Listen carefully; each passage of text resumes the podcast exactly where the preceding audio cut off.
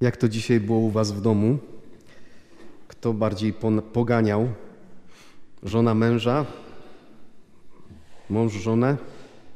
Rodzice dzieci? Stereotyp mówi, że e, to przeważnie kobiety są bardziej pobożne i to one w poranek wielkanocny będą ciągnąć no chodź na tą mszę świętą, no idziesz już, jak ty się długo tutaj zbierasz, już trzeba iść, no już jest czas. Ale oczywiście nie wchodźmy w stereotypy, bo może tak być, że e, mąż i tato e, dzisiaj tam bardziej dopingował swoją żonę czy, czy całą resztę.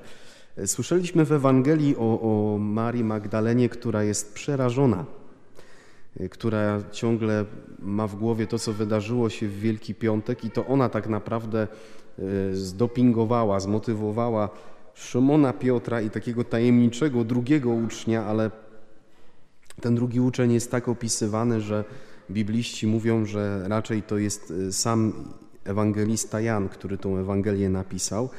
I właśnie ta Maria Magdalena zmotywowała ich do tego, żeby wybrali się e, do grobu. I kochani, y, znamy to, bo co roku w Dzień Zmartwychwstania jest ten opis, że Szymon Piotr jest za tym drugim uczniem, czyli za świętym Janem. E, czasami niektórzy tłumaczą, że Szymon Piotr jest starszy, że nie ma takiej kondycji, bo przecież Jan był najmłodszy prawdopodobnie z całej czeladki. Ale też warto spojrzeć na to, że on jest w ogonie ten sposób, że on po prostu nie znał drogi. Bo przypomnijmy sobie, że, że w piątek zapierał się Pana Jezusa, że to Jan był do końca z Jezusem, aż do jego śmierci i, i niewykluczone, że towarzyszył też Józefowi z Arymatei, czy tam innym, e, którzy składali ciało Pana Jezusa w grobie, więc wiedział, gdzie iść. No. Możesz być tego poranka wielkanocnego Szymonem Piotrem, znaczy mieć trudność w drodze do Pana Boga. Możesz siedzieć na tej mszy wielkanocnej, ale czuć się w tym kościele nieswojo, myśląc sobie, że ach, msza święta świąteczna, a potem będzie spokój. Dlaczego Szymon Piotr jest w tej Ewangelii taki szczególny? Co go wyróżnia? Kiedy popatrzymy na Marię Magdalenę i na Jana, to tutaj w oryginale greckim yy, pojawia się słowo blepo, czy to jest bezokolicznik, czy, czy pierwsza osoba widzieć. Nie? Maria Magdalena ujrzała yy, kamień odsunięty do grobu, więc pobiegła z powrotem do uczniów. Potem Jan dobiega pierwszy do grobu, widzi, znowu jest ten sam czasownik, blepo, leżące płótna i nie wchodzi do środka. I ten Szymon, który nie znał drogi do grobu, który się zaparł trzy razy Pana Jezusa, przychodzi za Janem i jest tu napisane, że wchodzi do wnętrza grobu i uwaga, niby jest ta sama czynność, bo ujrzał, mamy tak napisane w Biblii Tysiąclecia, ale już nawet w tłumaczeniu zobaczcie, że pojawia się słowo ujrzał, które różni się od wcześniejszych zobaczył i w greckim oryginale pojawia się słowo teoreo. Czyli spojrzenie Szymona Piotra już tam w grobie zasadniczo różni się od tego, co e, zrobił Jan i wcześniej Maria Magdalena.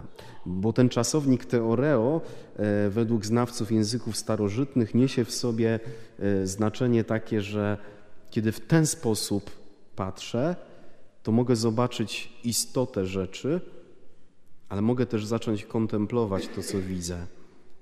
Czyli to nie jest takie spojrzenie, wiecie, że przechodzę przez ulicę, rozglądam się, patrzę, czy nic nie jedzie. E, teraz już nie tylko auto, ale też może hulajnoga, bo to też bywa niebezpieczne zderzyć się z hulajnogą. E, to nie jest takie spojrzenie, wiecie, pyk, pyk i, i, i wiem, co jest wokół mnie, ale jest zupełnie inne spojrzenie. Patrzcie, jakie to jest przedziwne, nie? że Szymon, które wydawałoby się po ludzku nie zasługuje na to, żeby jako pierwszy zobaczyć istotę żeby spojrzeć tak głęboko, nie? że tak jakby ten czasownik jest taki, że Szymonowi już więcej nic nie było trzeba. Wszedł do grobu, pyk, właśnie to teoreo i on wiedział, że Jezus żyje, że on zmartwychwstał. Może jesteś Janem, może towarzyszyłeś Jezusowi w ostatnich godzinach, dniach, Wielki Czwartek, Wielki Piątek, byłaś na adoracji przy ciemnicy, na adoracji przy Bożym grobie. Może nawet w pewnym sensie denerwują cię Szymone, Szymony Piotry, których tam nie było, y, albo ich nie rozumiesz. Ale dla ciebie, Janie, dla ciebie, pobożny człowieku, ta Ewangelia niesie taką prawdę, że potrzebujesz tego Szymona Piotra, który może nie za bardzo zna drogę do Pana Boga, po to, żeby pełniej spojrzeć.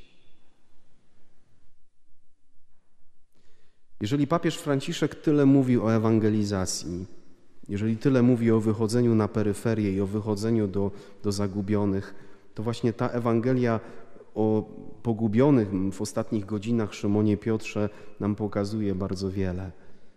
Potrzebujemy w Kościele zagubionych, tych ludzi z, z granic Kościoła, z peryferii, po to, żeby z ich pomocą móc spojrzeć głębiej. Bo w poranek zmartwychwstania to nie pobożny Jan zobaczył istotę, ale pierwszy to zrobił Szymon Piotr. Ta Ewangelia też pokazuje, że możesz dzisiaj być człowiekiem poszukującym, człowiekiem, y, którego nieraz dopada zwątpienie i zniechęcenie religijne, ale właśnie tego dnia, w niedzielę Zmartwychwstania Pańskiego Ciebie, Szymonie Piotrze, Pan Bóg chce obdarować łaską głębokiego spojrzenia na zmartwychwstanie. Właśnie Ciebie Bóg dzisiaj chce obdarzyć łaską zachwytu i zdumienia. Ale też Ciebie, drogi Janie, który byłeś do końca pod krzyżem, Pan Bóg chce uzdolnić do tego, żebyś patrzył, patrzyła głębiej, bo jest w nas, we mnie też jako w księdzu proboszczu takie niebezpieczeństwo. A, dzisiaj pierwszy dzień świąt, jutro drugi dzień świąt i przepraszam, to zmartwychwstanie może po mnie spłynąć jak po kaczce. To jest ryzyko każdego Jana. A Szymon, który przychodzi nie wiadomo skąd, patrzy do pustego grobu i coś się w nim dzieje. Kochani, zaproszę Was dzisiaj, kiedy będziemy przyjmować Pana Jezusa w Komunii Świętej, abyśmy mieli takie pragnienie właśnie, by Jezus przychodząc dał nam łaskę zobaczenia więcej.